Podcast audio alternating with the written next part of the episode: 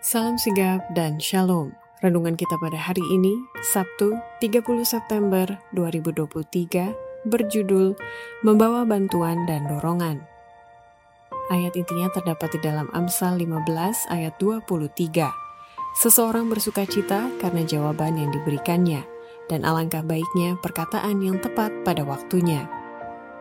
Pena Inspirasi menuliskan yang dimaksud dengan judul renungan kita pagi ini, membawa bantuan dan dorongan, adalah sebuah panggilan kehidupan yang praktis agar kita senantiasa tetap berusaha untuk dengungkan suara yang menyenangkan sebagai faktor yang menunjang kebahagiaan sejati dan sarana untuk memulihkan hubungan kita secara vertikal kepada Tuhan dan horizontal dengan sesama sebagai berikut.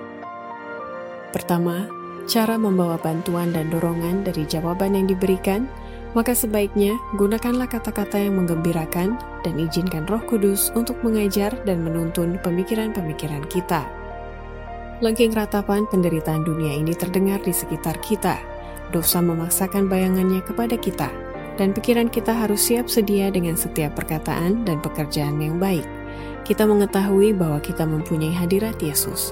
Pengaruh manis Roh Kudus mengajar dan menuntun pemikiran-pemikiran kita, menuntun kita untuk mengucapkan kata-kata yang akan menggembirakan dan menerangi jalan-jalan orang lain.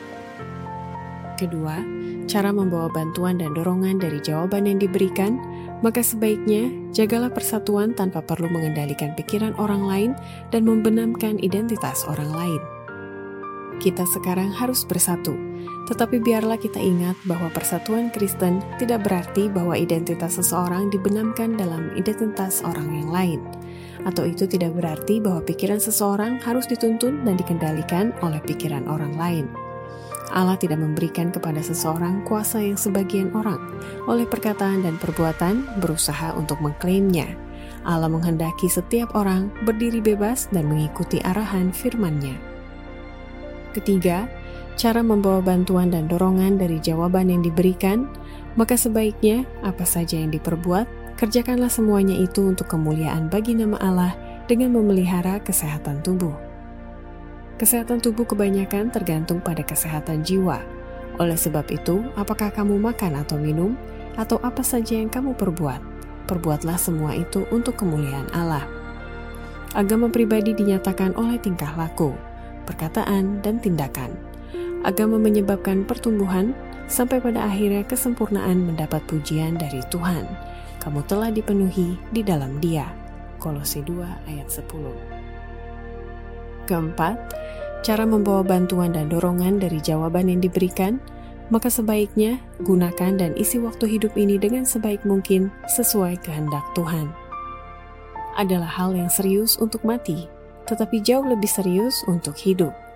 Setiap pikiran dan perkataan dan perbuatan dalam hidup kita akan bertemu lagi dengan kita. Apa yang kita hidupkan dalam diri kita pada masa percobaan, begitulah keadaan kita selama kekekalan.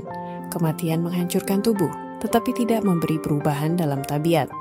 Kedatangan Kristus tidak mengubah tabiat-tabiat kita, itu akan menetapkannya untuk selama-lamanya. Demikianlah renungan kita pada hari ini. Kiranya Tuhan memberkati kita semua.